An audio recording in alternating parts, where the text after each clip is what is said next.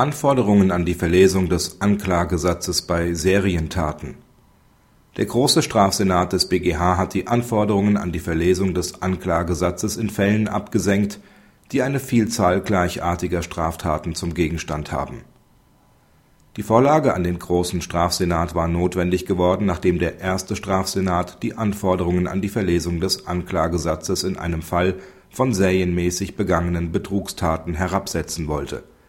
Danach soll es in Fällen, in denen dem Angeklagten eine große Anzahl gleichartiger Straftaten vorgeworfen wird, ausreichen, wenn im Anklagesatz die für alle Taten gleiche Art der Tatausführung geschildert wird und daneben die Gesamtzahl der Taten, der Tatzeitraum sowie der Gesamtschaden benannt werden.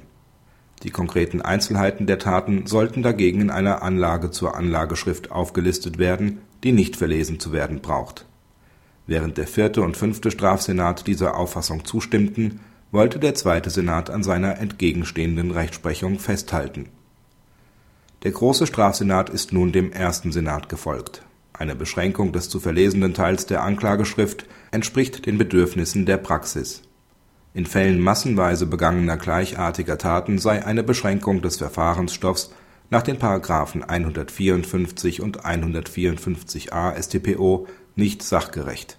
Eine entsprechende Anwendung der Vorschrift über das Selbstleseverfahren komme ebenso wenig in Betracht wie eine einschränkende Auslegung des § 200 Absatz 1 StPO, durch die die Anforderungen an die Individualisierung der Einzeltaten herabgesetzt werden Stattdessen müsse der Begriff des Verlesens in § 243 Absatz 3 Satz 1 StPO theologisch dahingehend reduziert werden, dass nur die wesentlichen Tatmodalitäten und der Gesamtumfang der Taten zu verlesen sind.